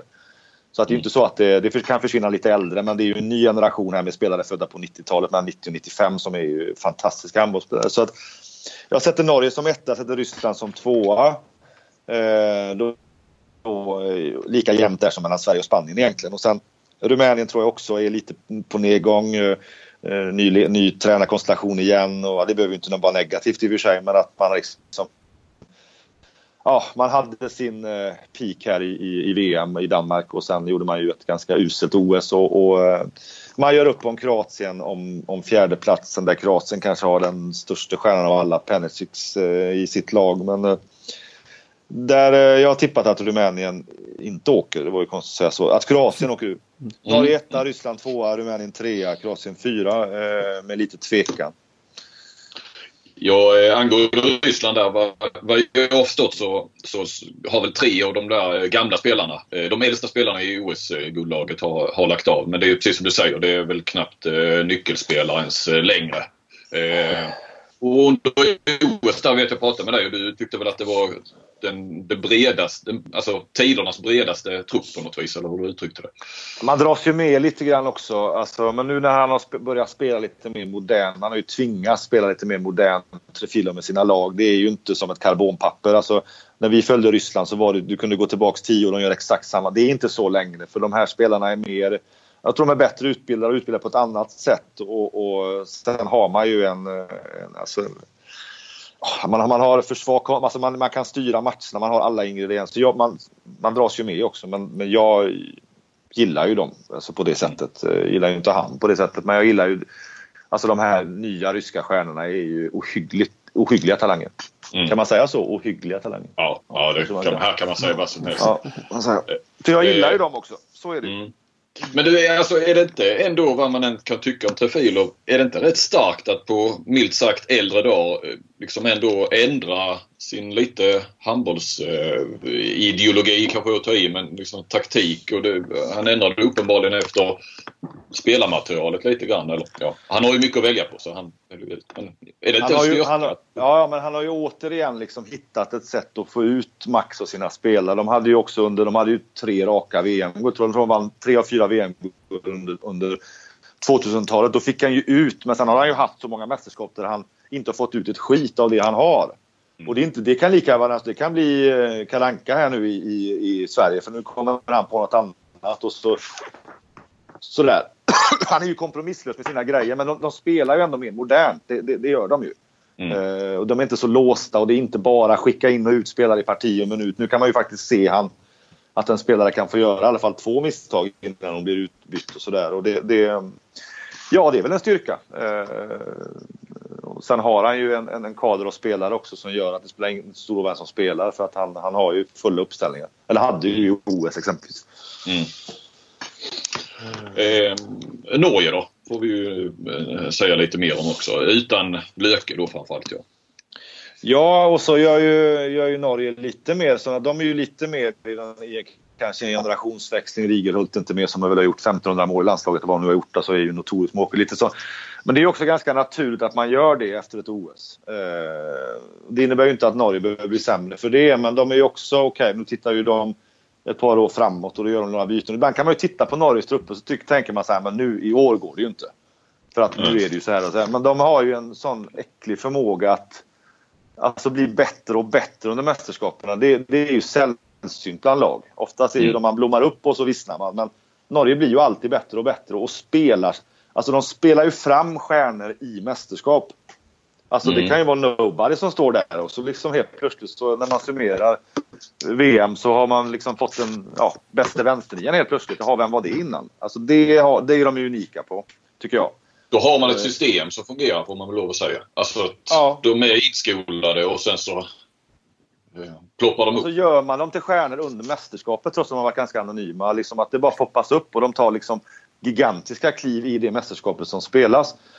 Så därför kan man återigen titta nu lite på Norge. Okej, här ser det lite halvanonymt ut och den och den. Men det är klart, då har de jobbat med de spelarna i fyra fem år och så. Nu är det dags för dig. Nu ska du göra de här grejerna och så, och så blir det ofta så.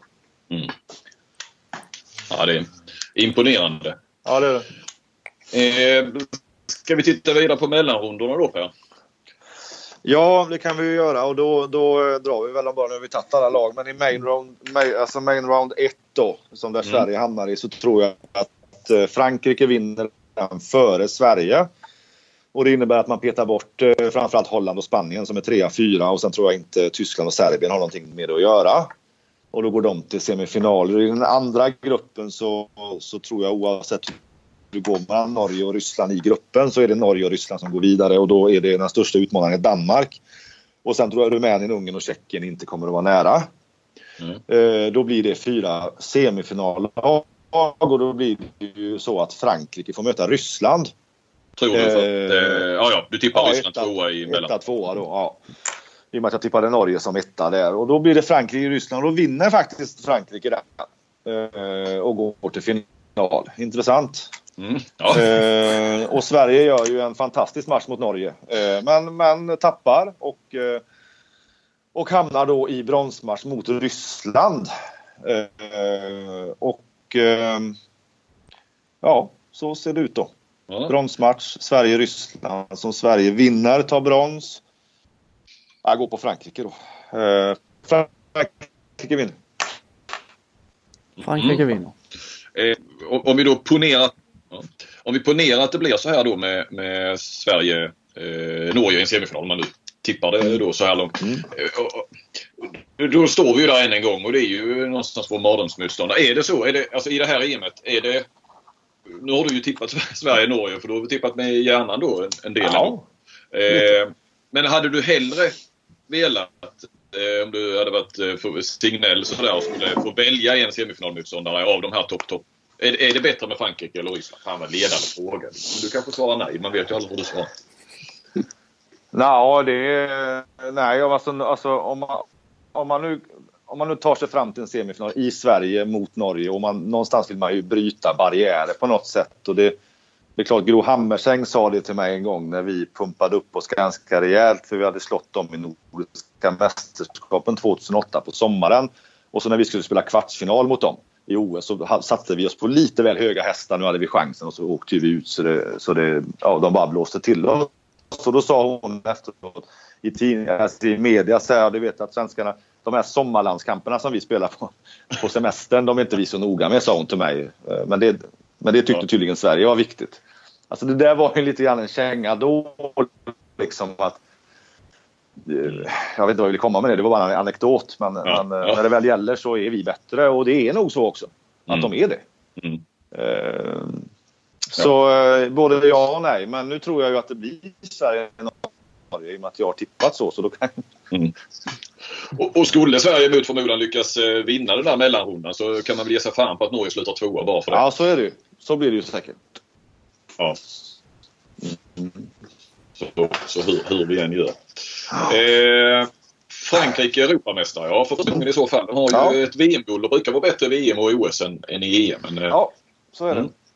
Men det är kanske deras tur nu. Ja. Mm. Eh, då har vi ju, samtidigt brukar det oftast vara en lite överraskning fram i semifinal men eh, eh här har vi väl de som faktiskt på förhand, även om Sverige får man väl en, kanske ingen överraskning men det är väl eh, de andra tre förväntas ju vara i semifinal. Eh, men Sverige på hemmaplan tippas ju ändå i oddsen och sådär som en semifinalkandidat. Ja, men jag tror att det är då alltså 56 matchen blir mellan Holland och Danmark i den här, i den här eh, uträkningen. Och jag tror bara det är Danmark som kan utmana på den andra sidan där. Jag tror det. Mm. Eh, sen har ju Frankrike och Sverige utmanas ju hårt av Holland och Spanien. Men även om man hade tippat Holland och Spanien vidare så blir det ju heller inga överraskningar för att Tyskland, ja. Serbien, Ungern, Tjeckien, Rumänien tror, inte, tror jag inte kommer att komma nära. Så det är, det är ändå etablerade länder. I så fall är väl skrällen Sverige då. Eh, mm. Om man skulle på något sätt säga det. Och, då är det, och det är ingen skräll. Men... Nej. Nej, jag håller med dig. Eh, och, och jag menar Holland och Spanien har ju varit där framme i semifinaler nu flera gånger ja. de sista senaste åren. Så det blir ju de istället för Sverige då. Det är ju de fyra där som gör upp om Frankrike, mm. Sverige, Holland och Spanien. Det är ju två av dem. Men är tyskarna här... här... kan ju Sverige lika gärna. De kan göra ett men ändå rycka från semi. Mm. Tyskarna där, herrlandslaget. Eh, tyskarna där, herrlandslaget, kallas ju, kallar sig själva bad boys och har ju överraskat eh, ja. innan. Eh, damlandslaget, kanske... har, har inte de någon möjlighet att eh, följa efter där och bli någon slags dark horse eller de är, de är så pass eh, långt efter? Nej, de är inte långt efter men jag, jag, tror inte det. Jag tycker att de är sämre än Frankrike och Holland och sen så ska de då tampas mot ja, Sverige och Spanien i en mellanrunda. Och det, jag tror säkert de kan eh, klippa något av de här lagen men eh, nej. Jag har dem som femma, i, i, jag har dem som nia, tia då kan man säga. Så att i min värld nej. Per, eh, tillbaka till premiären. Kan, ja, kan kan man men, men om Sverige förlorar den kan man nå semifinalen då? Ja, ja, det är klart man kan göra. Man har ju fortfarande allting nästan i egna händer. Då går man vidare med två poäng så har man ju, ja det är klart att man kan, då slår man Frankrike och Holland och då räcker det förmodligen så att det är klart man kan göra det. Mm, mm. Eh, det är ju få lag som har gått på noll poäng. Frankrike gjorde väl i någon, eller vad heter det?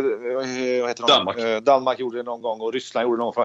Det går ju, men då måste du, då måste du ha sanslöst flyt med alla andra resultat. Ja, och förlorar Sverige mot Serbien och Slovenien, då finns, eller någon av dem, så finns det inte mycket som talar för att de Nej, det gör det inte. Men med två vinna. poäng så är det fortfarande väldigt öppet. Ja. Då ska man ju ha oflyt om man missar, om man, om man går in sen. Eh, som man i och för sig kan göra. Men, men eh, ja. Nej, men det blir högre krav, för du måste ju gå, förmodligen gå rent nästan. Ja. Eh, för annars har du ju troligen Spanien före dig hela tiden. Så att. Bra. Eh, då har du någonting mer Per som du skulle vilja förtälja? Eller du behöver dra till dina, sköta om dina gräsmattor och fastigheter? Nej, nu är jag ju på jobbet faktiskt. Nu ska jag inte säga så. Jag bara där nere i ett par dagar. Nu är jag, jag är en hel dag här i Alingsås och försöka få gjort något här så att jag går tillbaka till det. Ja. Eh, men gör så. Eh, Ja. Tack så mycket. Vi, eh, kommer, vi kör väl en eh, repris eh, inför VM, här VM, för då är, ju, då är du i TV. Ja, då är jag ju som Discoverys expert. Expert. Ja, det är bra. Tack så mycket grabbar. Ha det gott! Tack så mycket. Tack. Ha det gott. Hej då. Hej. Hej.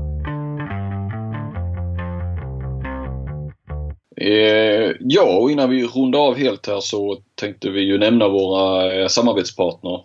Eh, ICA Maxi Kristianstad och iPlay Sport. Eh, den sociala plattformen för sport och eh, idrott tänkte jag säga. Det är samma sak. Men eh, gå in där och följ era eh, handbollsfavoriter. Många av de stora stjärnorna är där. Eh, om de är, ja det kanske kan bli en del stjärnor på ICA Maxi i Kristianstad nu kommande två veckorna. När, eller en vecka är det väl i alla fall. De spelar i Kristianstad. Det är väl inte helt omöjligt. Polman kanske dyker in där och vill ha lite eh, makaroner och falukorv. Men då är det risk att det är slut. Ja, får, vara, det får vara i början på veckan va? Innan, ja. innan Eh, du tömmer lagen. Precis. Och eh, om inte annat så eh, julpynt, eh, det, eh, eh, där blir man alltid glad när det är jul och, och handlar julpynt på Maxi. De har en stor, stor avdelning som man kan eh, frossa i. De satsar på julpynt. Det gillar vi. Mm. Ja. Vi eh, satsar väl vidare på EM då på våra olika håll. Eh, hur, kommer, du, kommer du att bevaka några matcher eller se eller hur? hur? Hur tänker Eh, jag, kom- Jag menar på plats där då. Ja, ja. Eh, det kommer vi att göra. Eh, jag kommer väl att se det mesta tror jag. Hoppas jag i alla fall. Mm. Sen är det ju lite lurigt. Det är ju sena matcher 20.45. Vi har ju tidig pressläggning så att eh, det blir väl kanske inte så mycket skrivet om just de sena matcherna där. Men eh, se dem kommer man ju garanterat göra. Och blogga lite och sådär. Precis. Ja. Och eh, jag befinner mig först i Stockholm i en vecka och upp imorgon fredag. Eh, och eh, sen blir det en vecka i Stockholm och ja, det lovar vi väl ändå garantera en minst en vecka i Göteborg också för till mellanrundan ska ju Sverige gå. Så får vi se om det blir eh, finalhelg också på plats eller hur det blir. Det beror på hur det går för Sverige. Det blir, en eh, rolig månad eller roliga veckor. Absolut. Gött Robin! Gött! Det var en rejäl mangling idag. Men det här Ja det var det. Verkligen. Och eh, tack alla lyssnare för att ni är med. Och eh, Det känns som vi har en trogen skara eh, som eh, är med varje vecka. Ni är var- varmt välkomna nästa vecka också. Kanske blir det någon eh, lite specialpodd då med EM och sådär. Vi har väl en, eh, en legendar på gång kanske. kanske. Ja, vi får se. Den som lever får se. Ja. Tack för idag! Tack, hej! Hej!